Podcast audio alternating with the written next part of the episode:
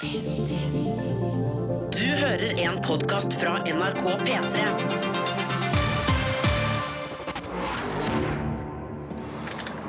What's your name, Buster? Well, it certainly isn't Buster. It's Sigurd Vik. Filmpolitiet. God fredag, godt folk, og velkommen til Filmpolitiet. Og la meg bare gjøre én ting sånn klinkende klart med en gang her. Denne uka denne uka er helt nydelig underholdningsfest. Dette er bacon cheese på en søndag bra. Bare hør på hva som står på plakaten. På kino kommer den erotiske Fifty Shades Darker, den Oscar-nominerte Moonlight, actioneksplosjonen John Wick Chapter 2, indie-favoritten Jim Jarmers med sin nye film Patterson og den gøyale Lego Batman-filmen.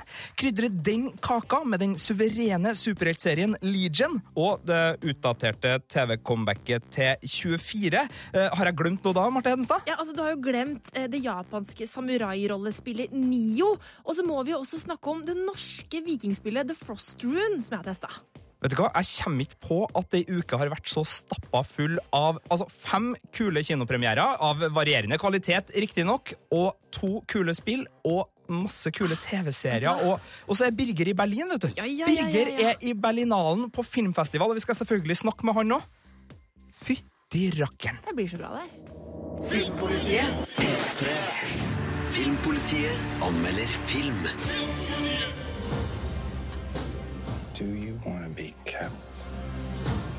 Respect?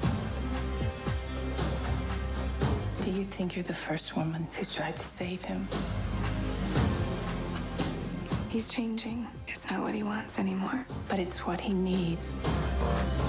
Lyd fra premierefilmen Fifty Shades Darker som kommer på kino i dag. Og Marte Hedenstad, det her er en film du har sett. Oh, ja! Men la oss bare ta det sånn helt ned. Eh, Det her kommer fra en forløperfilm, og det kommer fra en bokserie. Sett. Yes. oss litt raskt inn i det her. Nei, altså det her er jo da fra eh, bokserien, eller boktrilogien eh, Fifty Shades, skrevet av E.L. James. Og det handler jo da om Anastasia som forelsker seg i Christian Grey, og han er glad i å dominere kvinner som ser ut som henne.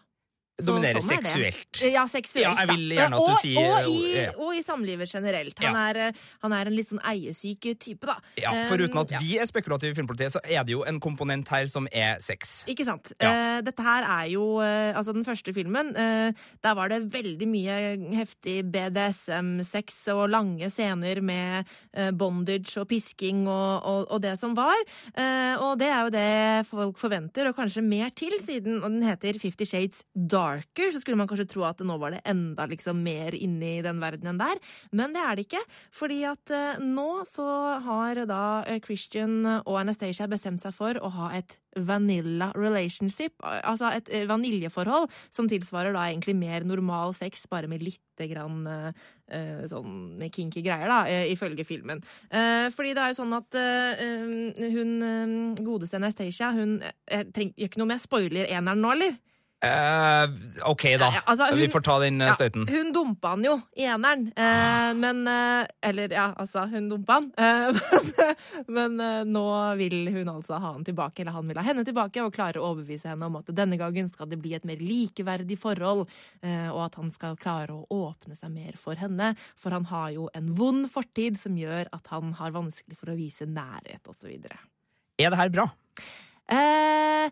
Det er ganske middelmådig. Altså eh, litt sånn eh, midt på tre. Det slår meg som en eh, litt sånn vanlig, klisjéaktig romantisk dramafilm som handler om at liksom det er en mystisk, eh, spennende mann som må reddes fra seg selv, eh, og nå er hun kommet der for å liksom klare å få han opp av dypet. Eh, det er en veldig sånn klisjéfull eh, historie som vi har sett mange ganger før. Eh, og så er det bare litt mer sex. Det er litt mm, flere sexscener, litt lengre sexscener, og så er det da litt mer nakenhet da, eh, i sexscenene enn man kanskje er vant til å se på, på vanlig film. Men er det saftig eh, og drøyt i forhold til hva man blir servert ellers? Um, mm, altså altså, I forrige filmen var saftigere på den måten. Eh, fordi der var det litt mer sånn annerledes ting man kanskje ikke er så vant til å se i vanlige romantiske filmer. Eh, nå, som sagt, så er det jo litt mer sånn vanilje.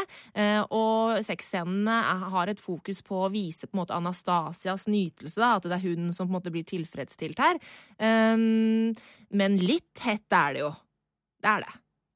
Tar han eh, den seksuelle drivkraften på alvor, eller er det, blir det brukt som et klistremerke for å selge en romantisk uh, dramafilm? Nei, det gjør jo det. Eh, det gjør jo det. Og det er et Eh, ledende spørsmål. Eh, Det var et veldig ledende spørsmål, Sigurd, men, men eh, det er akkurat det det gjør. Eh, Og jeg får litt sånn følelsen av at eh, det er ikke Anastacia er under en slags opplæring. Altså Hun var jo jomfru i den første filmen, så hun er fortsatt på en måte skal lære hvordan på en måte sex blir bra. Og jeg sitter med en følelse av at det er det vi også gjør. Her er liksom en sånn slags liten oppskrift til hvordan gjøre sexlivet litt mer spennende. Men når det er sagt, dette her er ikke en fullstendig slakt. Eh, eh, Dakota eh, eh, Jones, er ikke det det heter? Da, eh, hun som spiller Anastacia, hun eh, er eh, skikkelig god skuespiller. Jeg digger hun. Og hun klarer å gjøre um, Anastacia til en faktisk mer interessant rollefigur enn hun kunne ha vært. Det her er helga før Valentine's Day. Ja, Er det- her en datefilm? Uh, Dakota Johansen, for eksempel. Uh, forresten. Uh, nei, eh, det er ikke en datefilm hvis du er på første date. Eh, det kan bli kleint. Jeg sier det bare. Jeg hadde blitt flau hvis jeg hadde sittet i en kinosal med min første date. Eh, eh, har du et lengre forhold eh, hvor du kanskje har lyst på litt mer spenning? Ja, kanskje. Kan vi ikke rødme litt i kjakan bare her? jeg? Vi skal høre terningkastet, vi. Terningkast tre. Som eh, er sånn eh, midt på treet, ja. Men tre. eh, greit hvis man likte første filmen, tenker jeg. Ja, absolutt. Og er du fan av bøkene, kjør på, sier jeg bare. P3. P3. Den amerikanske filmen Moonlight er nominert til hele åtte Oscar-priser. Den er sammen med La La Land og Manchester by the Sea en av de store favorittene der, og er nominert annet som beste film og til beste regi. Nå er den klar for norske kinoer, og Birger Vestmo sier at dette er en vakker og engasjerende film om en guds utfordringer under oppveksten i Miami. Filmpolitiet anmelder film. Saw your mom last night. I hate her. Yeah, I bet you do. Den Oscar-nominerte filmen Moonlight er et stillfarent og bevegende drama med sterke figurskildringer. Regissør og manusforfatter Barry Jenkins styrer ikke helt klar av oppvekstklisjeene, men viser en filmatisk teft som gir historien dypere lag og gjør figurene tredimensjonale og troverdige.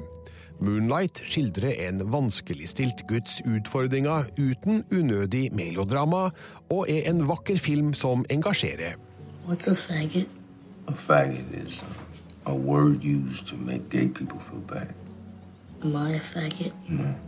Historien er delt inn i tre kapitler.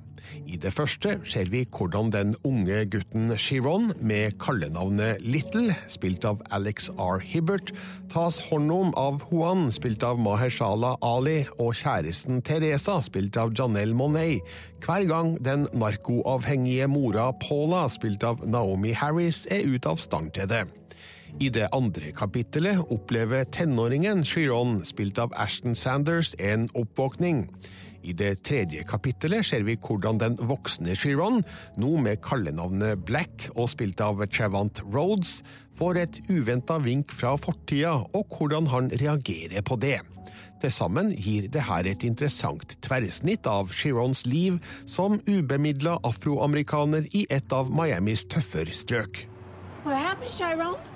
Why you didn't come home like you're supposed to? Huh? Det første kapittelets skildring av det uventa vennskapet mellom Chiron og narkolangeren Juan, glitrende spilt av Mahershala Ali, er full av varme og menneskelighet. I det avsluttende kapittelet ser vi hvordan Chiron har blitt et hardt produkt av sine omgivelser og opplevelser, men den følsomme gutten han en gang var, skinner likevel igjennom. Filmen gjør det lett å føle med Chiron og bli sint på hans vegne, uten at den føles direkte manipulerende. Why'd you call me? What? Why'd you call me? Moonlight fortelles i et rolig og avbalansert tempo, og skynder seg forsiktig mot et emosjonelt klimaks, som verken sukres eller overdrives, og som forlater oss i et perfekt øyeblikk. Når man kommer dit, har man følelsen av å ha fått følge vakre og ekte figurer, med håp, drømmer og fiaskoer som mange kan identifisere seg med, sjøl om man ikke nødvendigvis deler akkurat Chirons erfaringer.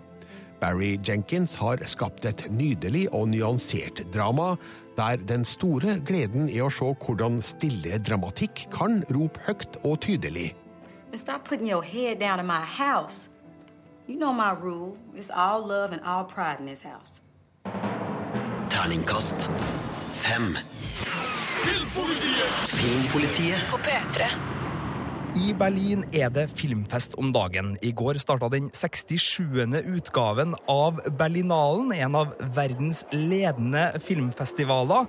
Og der er Birger Vestmo. Hvordan er det i Berlin, Birger?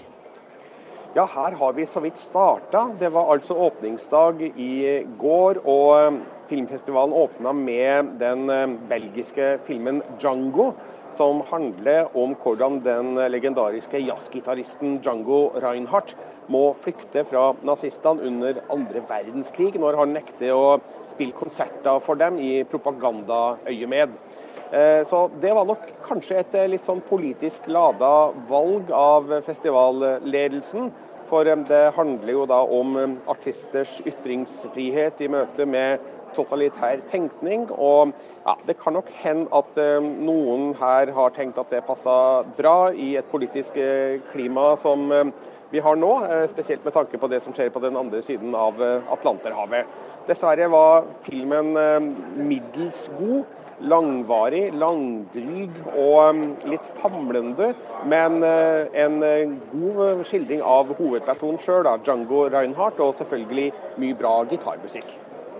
Har du sett noe annet? Ja, det var to andre filmer jeg så i går. En som heter 'Barrage', der Isabel Huppert spiller en av rollene.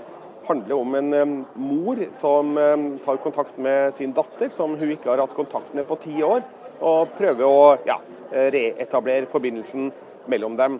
Eh, og så så jeg en som het Bye Bye Germany, som er en slags komedie satt i kjølvannet av andre verdenskrig, der en gruppe jøder forsøker å etablere en eh, ny business, samtidig som de forsøker da å um, bearbeide det som de har vært igjennom da under eh, krigen.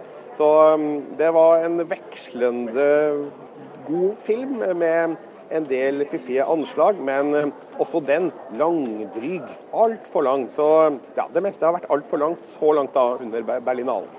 Det er jo igjen et godt stykke festival. Hva er de store snakkisene som folk gleder seg til her? Ja, nå i dag så skal jeg se 'Trainspotting 2', som mange gleder seg til. Det er mange som har et sterkt forhold til den første filmen fra 1996.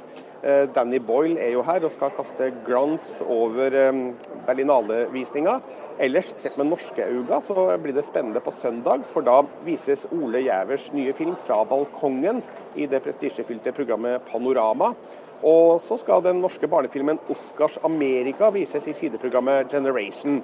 Så det er vel det viktigste sett med norske øyne. Ellers gleder jeg meg også til å se 'The Dinner' litt senere i dag, som har bl.a.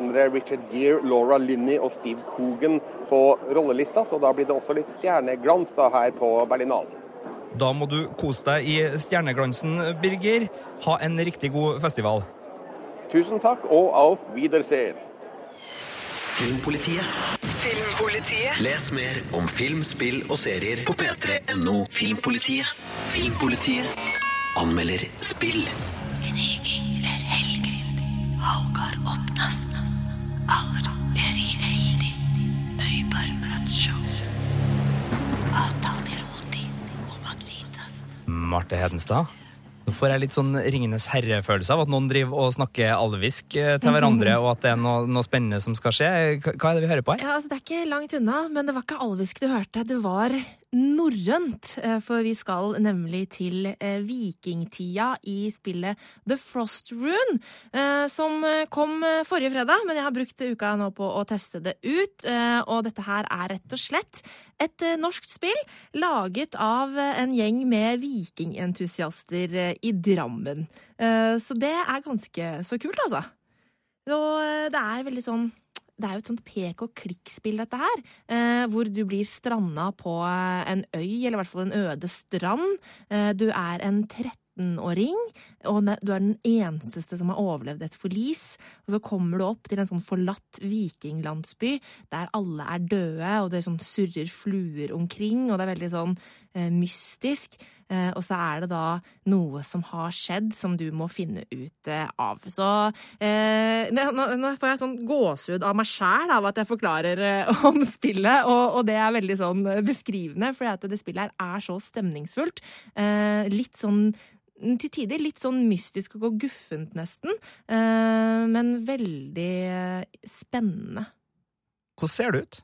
Det ser kjempepent ut. Eh, Det er, eh, som ofte i i sånne gammeldagse pek og klikk-spill, så har du jo eh, på en måte tablåer som er satt, som bare er stillestående bilder. Og her er det håndtegnede eller håndmalte bilder, hvor det er noen elementer som er i bevegelse, som, som gir liv til tablået. Og så må du da klikke rundt, ikke sant, for å finne, klikke på alt mulig rart eh, for å finne ut av hva det er som kan gi deg en pekepinn om hva du skal gjøre, og, og hvordan du skal på en måte løse neste eh, oppgave. Eh, og det er eh, Altså, eh, bare sånn den blandingen av disse eh, håndmalte bildene og musikken og lydarbeidet gjør at jeg blir veldig sånn oppslukt i spilleopplevelsen.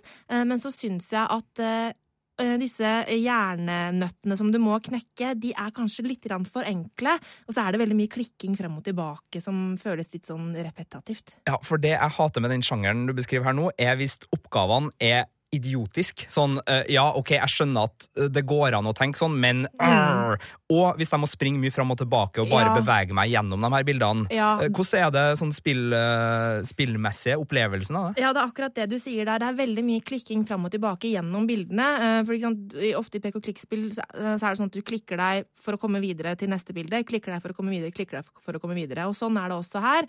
Og du må ofte Du veit at OK, nå har jeg henta noe leire på den stranda, nå skal jeg gjøre noe på det stedet. Og så må du klikke deg liksom gjennom alle disse tablåene igjen og igjen, og det er veldig mye frem og tilbake. Og det, eh, det merka jeg ble litt irriterende. Eh, eh, nå er ikke spillet kjempelangt, men jeg rakk å på en måte irritere meg over akkurat det før det var ferdig.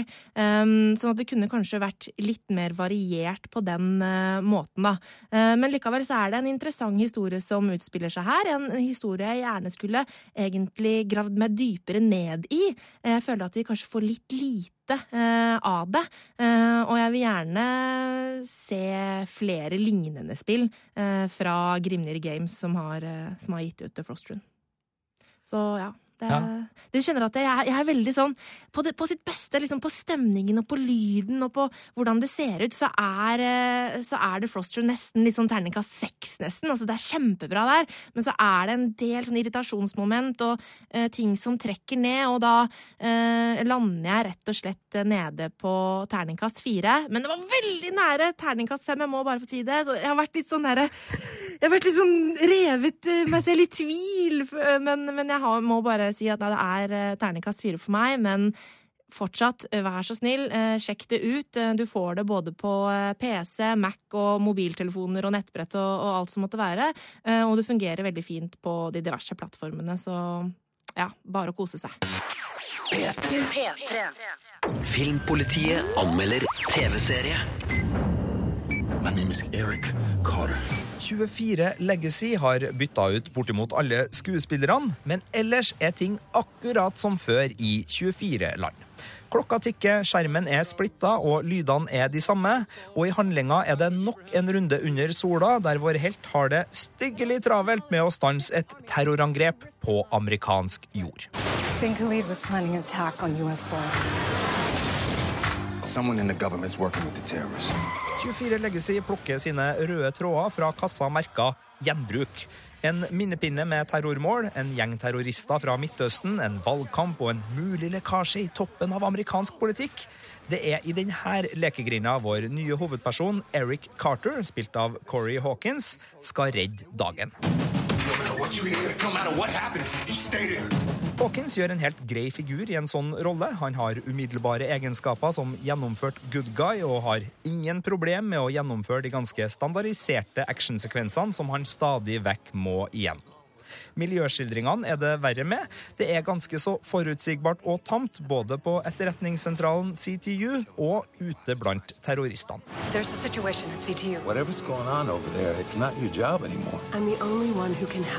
Mye av 24s opprinnelige suksess da den kom i 2001, var pga. den friske stilen og de aktuelle problemstillingene serien tok opp. Som fikk både publikum, kritikere og akademikere til å diskutere serien som en nyvinning. Diskusjonene kom også om seriens innhold, og spesielt bruken av tortur i kampen mot terror ble satt på dagsorden. Men det føles ganske utdatert når serien nå lener seg på de samme triksene, uten å innføre noe nytt i verken form eller debattmat. Denne utgaven av 24-universet har ikke større ambisjoner enn å bruke krigen mot terror som underholdning. Det er ingenting her som stikker seg ut som spesielt interessant eller imponerende, verken av tema, stemninger eller skuespillerprestasjoner. Dette er hurtigmatvarianten av strømlinjeforma amerikansk actionunderholdning for TV. Ingenting du trenger å være redd for å gå glipp av, men helt grei avkobling for dem som digger kamptung og enkel konspirasjonsmoro. Terningkast tre. Filmpolitiet. Filmpolitiet. Les mer om film, spill og serier på p3.no Filmpolitiet. Filmpolitiet anmelder film.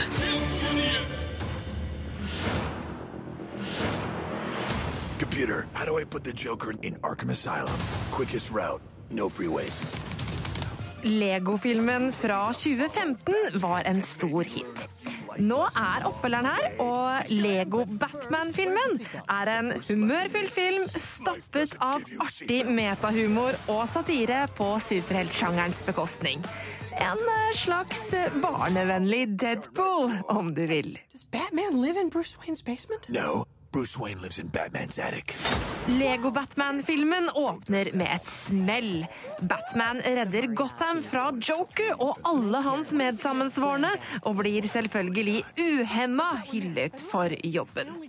Når Joker iverksetter en plan for å vise Batman at han er hans verste fiende, og Batman på sin side adopterer en ung gutt ved et uhell, så er kalaset i gang. Men denne gangen må Lynvingen ta en titt på sine egne feil før han kan redde dagen. Hey, computer. I'm home. I'm home. I'm home.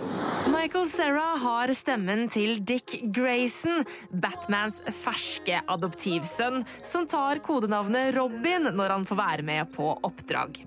Michael Ceras kvikke stemme er en artig kontrast til Will Arnett's grove og deprimerte Batman, og replikkutvekslinga mellom de to er en fornøyelse å henge med i. Oh Det morsomste med Lego Batman-filmen er harseleringen med superheltsjangeren, og da spesielt Batman selv. Når metahumor gjøres bra, er det noe av det artigste jeg vet. Og her gjør manusforfatterne en flott jobb, for de mange sleivsparkene blir aldri påtatt. I don't currently have a bad guy. I am fighting a. Filmen er umiddelbart en fryd for øyet. Animasjonsarbeidet er intet mindre enn spektakulært, og jeg elsker at filmskaperne har holdt på dogme fra første film. Alt skal være bygd av legoklosser, ned til hver minste detalj. Lego Batman-filmen er strålende underholdning for barn i alle aldre. Spesielt hvis du er en superheltnerd som kan kose deg litt ekstra med filmens mange referanser. Let's go defeat the Joker. Woo! We're going on a family trip. I can wear my costume too. Well, luckily for us, you left your costume back in. Oh, no, under your clothes. That's perfect. Terningkast fem. Filmpolitiet.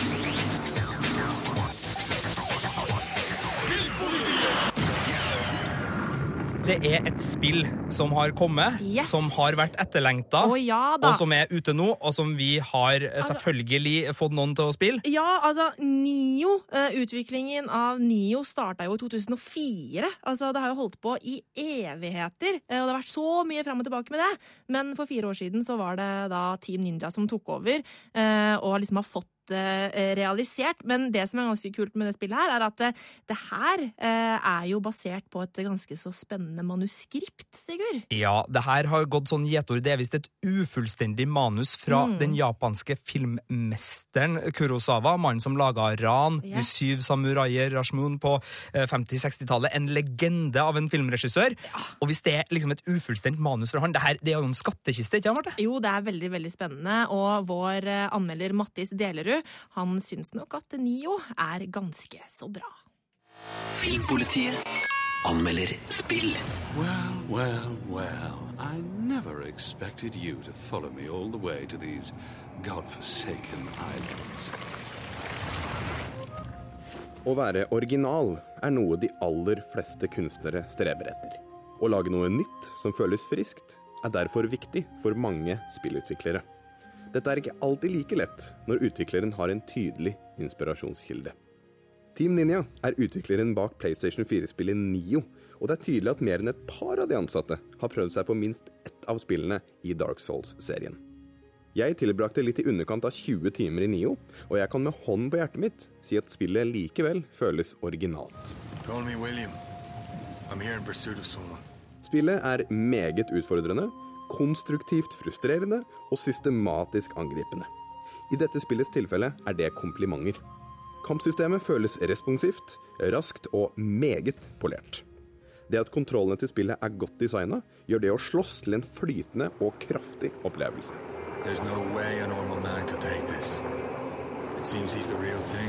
Det er i bosskampene til Nio jeg virkelig setter meg inn i spillets systemer og finner ut av funksjoner som jeg ikke tror er så viktige for meg. Her vil jeg lære meg systemene fordi jeg vet at det vil øke mine sjanser for å overleve. Jeg føler at spillet lærer meg opp i sine systemer på den måten videospill klarer best, ved å feile.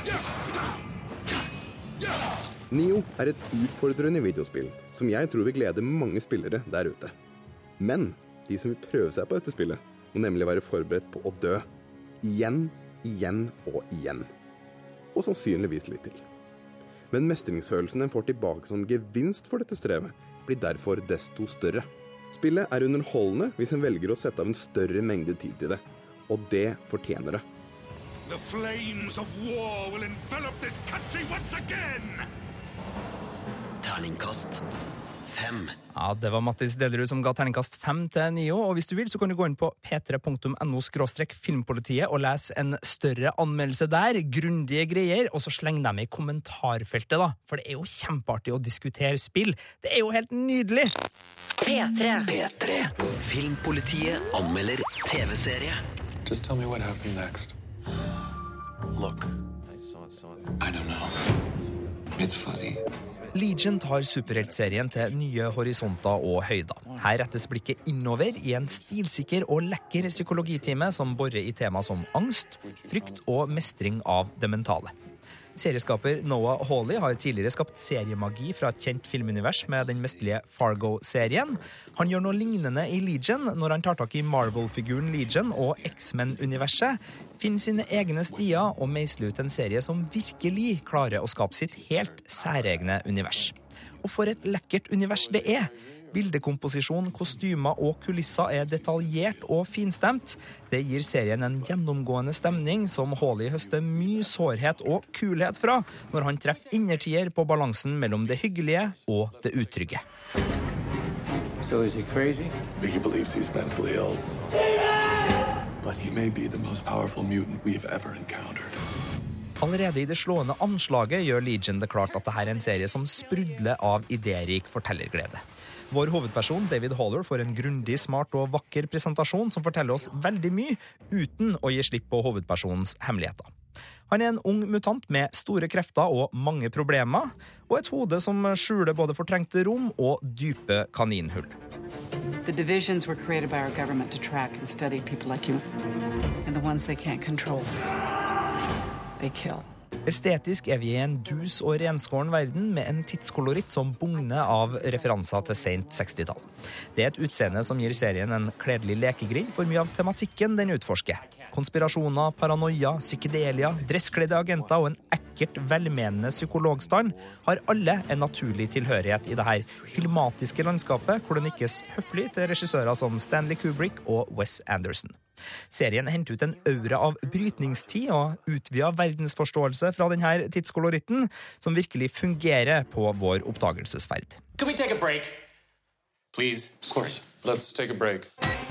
Med uanstrengte overganger mellom det lune og det skrekkelige som ligger på Twin Peaks-nivå, har Noah Hawley klart å skape en leken serie som har både humør, nysgjerrighet, sårhet og mørke. Og så er den stappfull av relevant refleksjonsmat i både handling og tematikk. Anbefales på det varmeste. Terningkast seks.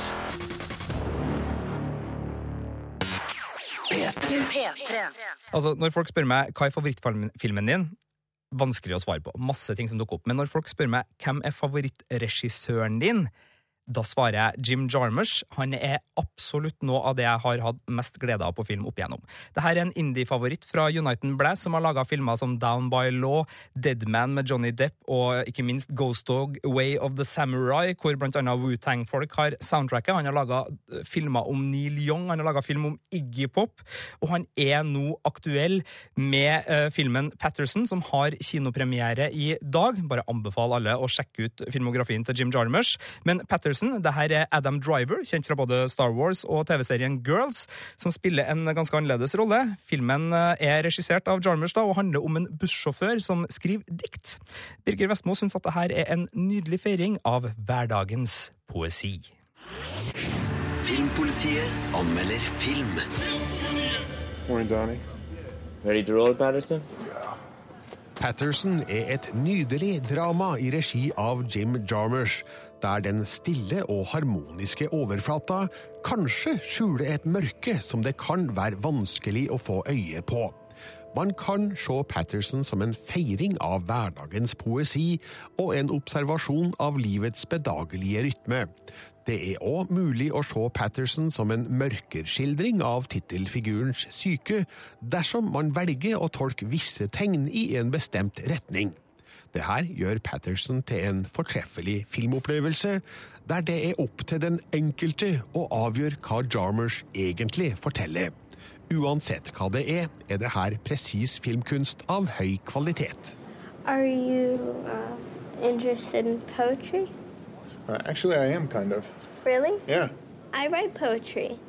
Patterson, spilt av Adam Driver, er bussjåfør i byen Patterson i New Jersey. I pausa og på fritida skriver han dikt om små og store trivialiteter. Heime steller den arbeidsløse kjæresten Laura, spilt av Goldshifte Farahani, med stadig nye prosjekter som baking og dekorering. Vi følger dem dag for dag gjennom ei uke, der hverdagens rutiner går sin gang. Patterson våkner automatisk noen minutter over seks, spiser frokostblanding, går på jobben, kjører buss, kommer hjem, går tur med bikkja og tar en øl på den lokale puben. Your name really Patterson, or they just nicknamed me that? Uh, no, my real name is Patterson.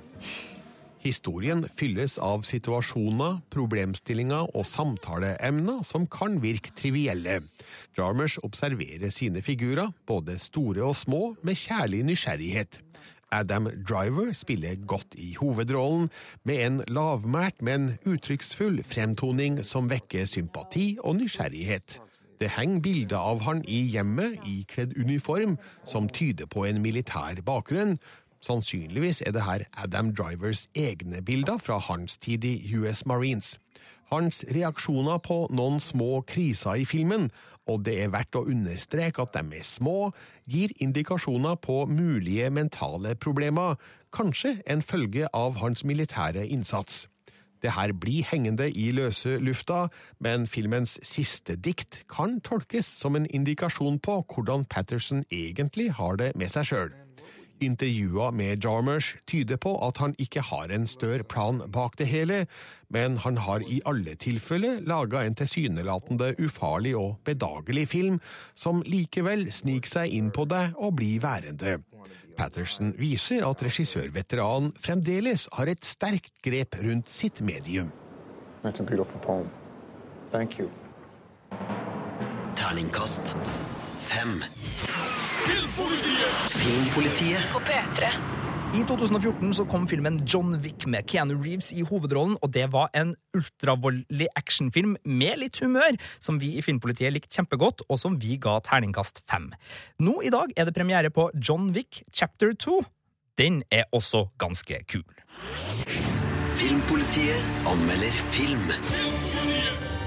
Mr. Wick, do enjoy your party. John Wick chapter 2 er, som tittelen antyder, mer av det samme som gjorde den første John Wick-filmen til et brutalt og fengende hevnoppgjør. Keanu Reeves er tilbake som den innbitte og særdeles handlekraftige tittelfiguren. En mann som har forsøkt å legge karrieren som internasjonal drapsmann på hylla, men morderbransjen viser minimal respekt for pensjonisttilværelsen. Med unntak av en klisjésvak bakgrunnshistorie og et par cornye biroller, er det her en helstøpt, blodsprutende og innovativ voldsfilm som lykkes med det meste den prøver på. John Wick. You're not very good at retiring. I'm working on it. Hevn som avler hevn er drivkraften i John Wick sin oppfølgerfilm. John blir tvunget ut i et nytt oppdrag av gammel gjeld, og det åpner opp for en oppfinnsom underverden hvor berykta gjenger fra alle verdens hjørner eksisterer sammen i et komplekst samfunn av egne toppledermøter, egne æreskodekser, egne spesialbutikker og en del fine frisonehotell. Regissør Chad Stahelski, som sjøl har bakgrunn som stuntmann og kampsportutøver, har et stilsikkert øye for deilige detaljer som løfter det her fra å være en standard skyt- og slåssfilm til en særegen sjangerfilm. Med et oppsøkende kamera behersker han flere stemninger og arenaer. Noen skytesituasjoner blir tilsikta komisk i sin overraskende diskresjon, og andre kamper er rene hyllester til skytespillets visuelle stil og regler. Med så flotte skuespillere som Ian McShane, Lawrence Fishburne og Lance Reddick i markante biroller, så er det også en del underholdende dialoger som blir til forfriskende oaser mellom all volden. Men de vanner ikke ut filmens intense stil. Dette er to hardtslående timer i kinomørket. Ikke for de sarte sjeler, men blodsprutende gøyal og smart popkorn-action for oss som har glede av den sorten. So I guess you have a choice. You want a war? Or do you want to just give me a gun? Terningkast fem. Du finner flere podkaster på p3.no podkast.